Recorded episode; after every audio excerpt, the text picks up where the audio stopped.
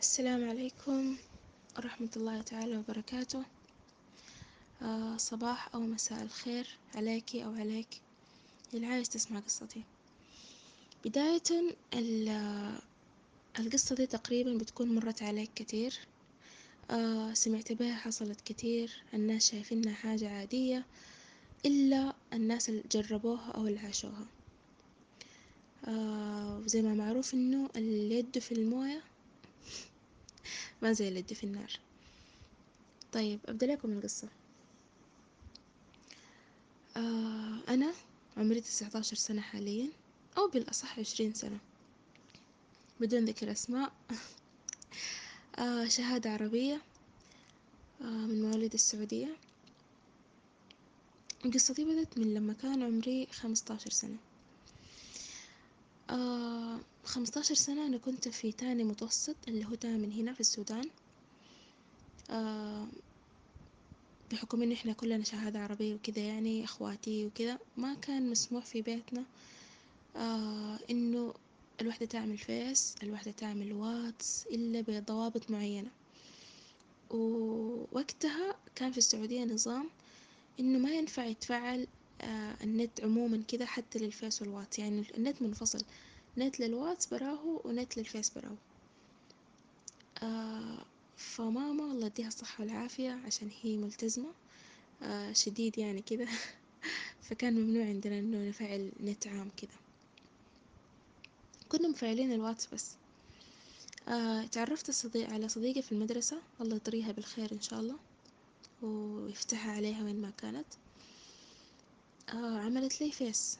ودي كانت أول مرة يكون عندي فيس فيها آه بحكم إنه ما عندي نت ما كنت بدخل إلا كل أسبوعين كل آه ثلاثة أسابيع. و يعني بتجيني طلبة صداقة بتكلم كذا مع ناس. في يوم من الأيام آه جاني طلب صداقة. وقبلته وبدأت أتكلم. آه كان كلام جدا عادي. شخص جدا عادي زيه زي الغرباء. آه كان تواصلنا فيه نوع نوعا من اللهفة عشان كنا بنتكلم كل أسبوعين أو ثلاث رسالة واحدة. ما كان عندنا يعني. فأكيد الواحد الإنسان بطبعه بيكون متشوق للزول اللي حيرد له على رسالته دي. فحصل بيناتنا نوع من الاستلطاف. آه كنت صغيرة شديد ما كنت فاهمة أنا بعمل في شنو. والتواصل بقى يزيد لدرجة إني فعلت كان نت من ورا أمي وكان دي حاجة جدا كبيرة يعني على فكرة إن الواحد يفعل نت عام كذا من ورا أمه هناك. فحاسة نفسي عملت جريمة الوقت داك فعلت نت وبقيت أدخل فيس طوالي. آه بقينا نتكلم. آه تكلمنا شهرين أربع شهور ستة شهور لما بقينا متعمقين في بعض للحد البعيد. يعني لا أنا بقدر يمر يومي بدون كلامه ولا هو بيقدر يمر يومه بدون كلامي. كذا الحد هنا جميلين. أمي الله يديها العافية. كانت شاكة فيني في الوقت داك يعني الواحد طبعا في الوقت داك بيكون واضح عليه آه إذا كان هو في حياته شخص أو كذا بحكم إنه هو مراهق. يعني حتى أفعاله بتكون واضح عليها إنه هو مايل لشخص معين. الأم بتحس يعني سبحان الله الأمهات ديل عندهم رادارات والله. أمي عرفت تقريبا فتحت جوالي. آه شالت رقمه. وإحنا كنا برضو بنتكلم في الواتس يعني من الفيس انتقلنا للواتس. وبقت تتكلم معاه آه سبحان الله الحاجة يعني اللي خلتني أستغرب في الحصل إنه بقى هو وأمي زي زي الولد وأمه. يعني ما أمي لا شاكلته ولا قالت له بتلعب براس بنتي بل بالعكس بقوا يتكلموا مع بعض وتعمقوا في بعض يعني بقت أمي وهو بيتكلموا مع بعض زي الولد وأمه عديلة يعني. ودي كان حاجة مريحة بالنسبة لي. آه كنا في السعودية في الوقت داك ما كان جينا السودان. بقينا نتواصل. بعد أمي بقت تقول لي أنت الزول ده شغلك من القراية أنت ماشية على مرحلة ثانوي وكذا. أقطع تواصلك معاه وما عارفة والله الحصل وقتها شنو بالضبط لكن اتقطع تواصلنا تماما. اتواصلنا من عام ألفين وتلاتاشر لحد ألفين وأربعتاشر. ألفين وخمسطاشر انقطعت علاقتنا تماما. لا أنا بعرف عنه حاجة ولا هو بيعرف عني حاجة. والله صدقا ما حصل تكلمنا مع بعض أبدا. لا رقمه عندي ولا رقم عنده غيرت جوالي هو غير جواله. يعني الحياة شالت كل زول فينا لطريق تاني تماما. آه عام ألفين وتسعة عشر ظهر تاني في حياتي.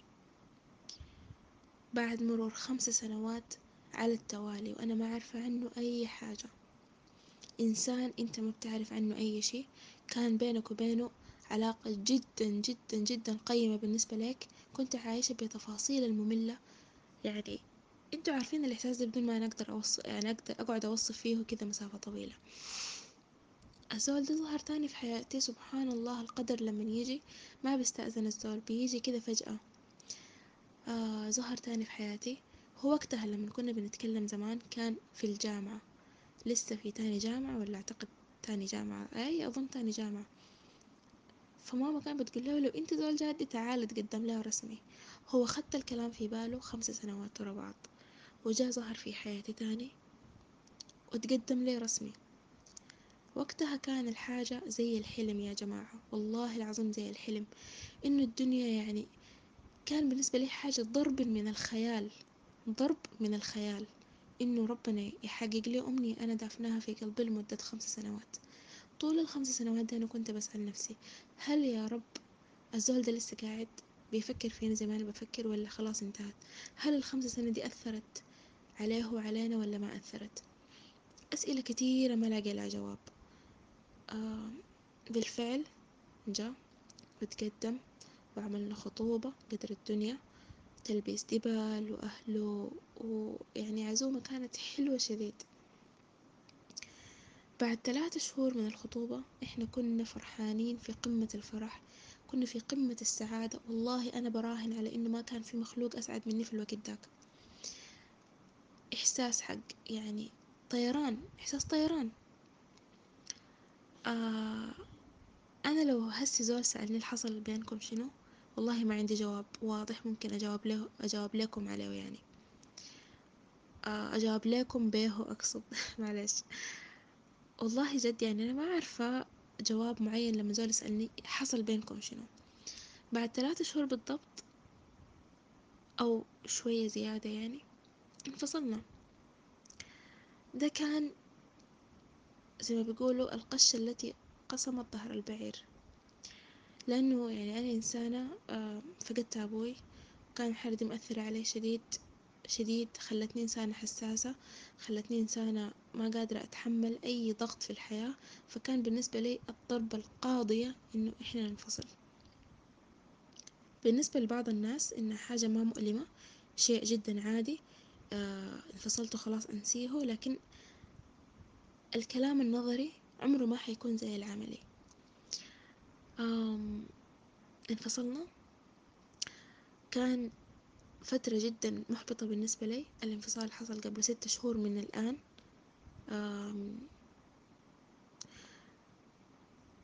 يعني كانت فترة من أسوأ فترات حياتي اللي أنا مرت بيها. بعد وفاة أبوي الله يرحمه. أنا ما حصل جربت ألم زي كذا. نهائيا. نهائيا أبدا. إلا وفاة أبوي الله يرحمه ويتقبله يا رب. آه الفترة اللي حصل فيها الانفصال كنت نازلة امتحانات final semester one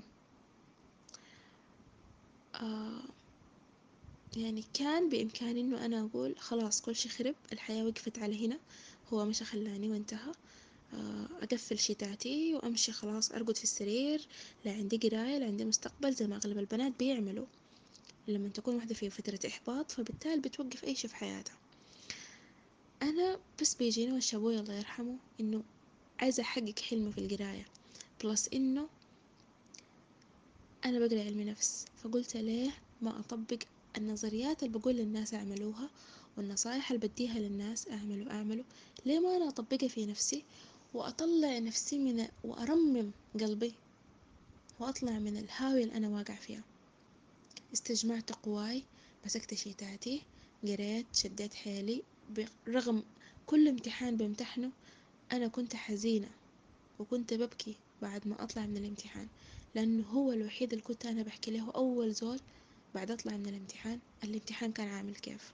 كنت ببكي لأنه هو كان الوحيد اللي أنا بحكي له الحاجات المفترض إنها ما تتحكي لأي زول باعتبار إنها حاجة بتضعفك قدام الشخص الآخر أنا كنت بحكيها ماخداها على نظام إنه هو الوحيد المفترض يعرف. كانت علاقتنا محكومة بالأخوية وبالصداقة أكتر من العلاقة حقت الحب أو ارتباط أو خطوبة. كان بالنسبة لي عالم تاني تماما. يعني ما أعتقد أن أنا ممكن أجرب الإحساس اللي أنا عشت معاه مع أي واحد تاني ممكن يجي بعده. آه الله أعلم هل حأعيش يعني الأيام دي تاني ولا لا. الله أعلم. آه استجمعت قواي وقفت على حيلي الضربة القاضية دي حولتها لأكبر سلم نجاح أنا ممكن أصعد فيه لبقية حياتي. آه سبحان الله العلي العظيم ال semester ده أنا جبت فيه درجة ومعدل أعلى من معدلي من دخلت الجامعة. ال semester ده أنا جبت فيه تلاتة وتسعين بالمية. ال grade حقي A plus وأنا ما كنت بحلم إنه أنا أجيب A أصلا في المادة أو في مش في المادة في ال semester في الجامعة أصلا. ده كان أعلى معدل بالنسبة لي من دخلت الجامعة. بتوفيق من الله سبحانه وتعالى بقيت مشهورة في ال school بإنه دي البت القراية دي البت الشاطرة. بقيت قدوة لبنات وبقي يجونا بنات يقول لي يعني إحنا عايزين نبقى زيك. أنت بقيتي كذا كيف؟ أنت بقيتي ملهمة للناس كيف؟ أنت بقيتي يعني أي زول بيشوفك بيقول إحنا عايزين إحنا عايزين نبقى زي البت بعد انكسار بعد حزن بعد انطواء بعد اكتئاب بعد تفكير بالموت. الزول اللي بيسمع قصتي يمكن يقول دي بتهول المواضيع. الزول مستحيل يعني يحزن على زول تاني بالصورة دي. لكن صدقوني التجربة دي والله ما حيحس بيها إلا الزول المرة في تجربتي دي ذاتها.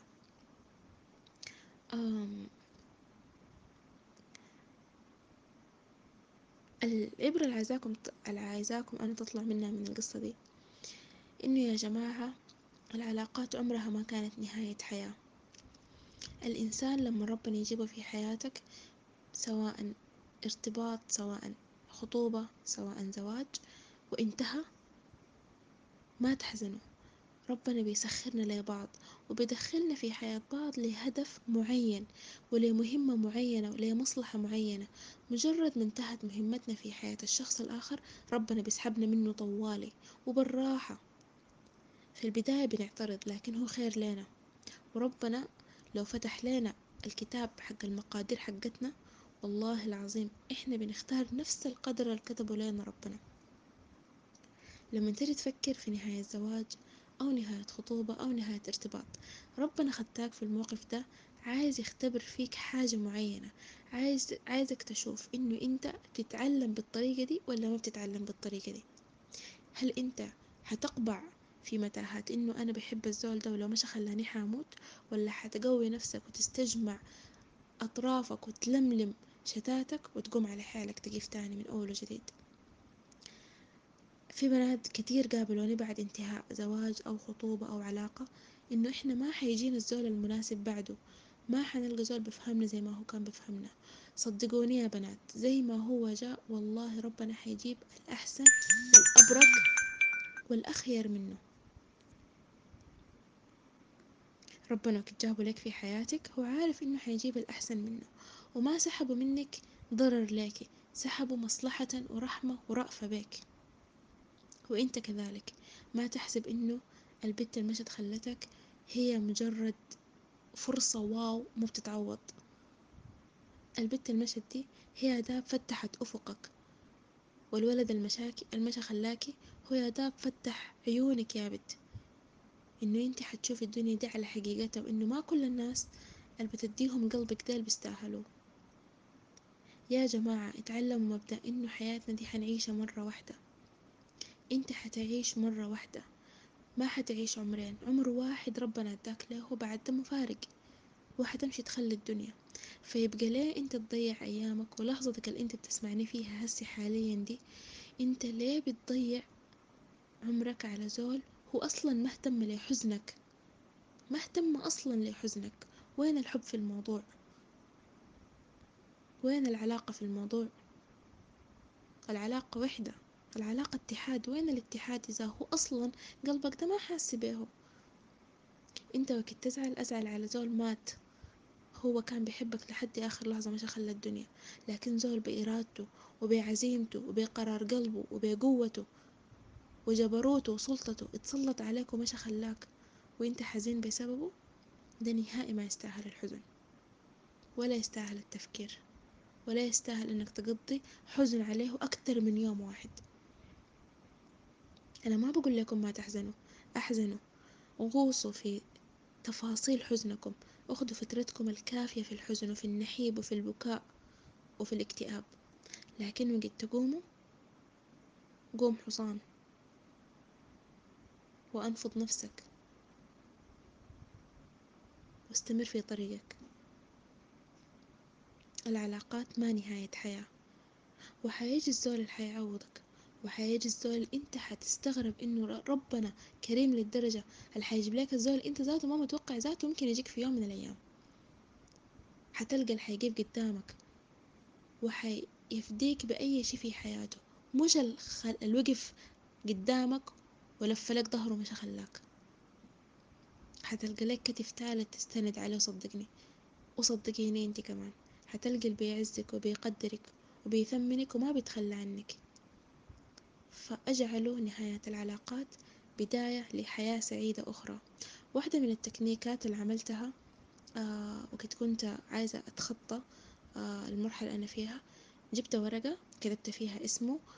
أي حاجة حصلت من لما عرفت لحد آخر شي بيناتنا آه طبقت الورقة دي خطيتها في كاسة ووقفت لي في سطوح كده وكسرت الكوباية بس يا جماعة يعني ما تقوموا تكسروا كباب البيت وأمهاتكم يدعوني وكده.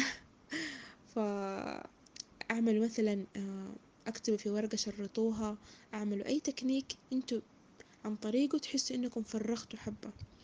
وقبل ما تعملوا التكنيك ده أقيفوا وقولوا بصوت عالي في مكان خالي تكونوا براكم. أنا أعاهد نفسي إنه دي حتكون آخر لحظة أفكر في الإنسان وفي الشخص اللي مش خلاني. وأرمي الورقة أكسر الكوباية آه، أعمل أي حاجة. اتخلصي بيها من الطاقة السلبية الراكدة في قلبك تجاه الشخص ده. صفي قلبك تجاهه. خليك كده فاضي. يعني لدرجة إنه لو مرة قدامك أنت ما تلتفتي له. بتكوني عارفة يقينا إنه ده هو المرة قدامك يا هو ذاته اللي كنت بتحبيه في يوم من الأيام. وإنت بتمر جنبك البت اللي إنت ذاتك عارف إنها هي في يوم من الأيام. وعايز كنت يعني تكون معاها تكون بارد.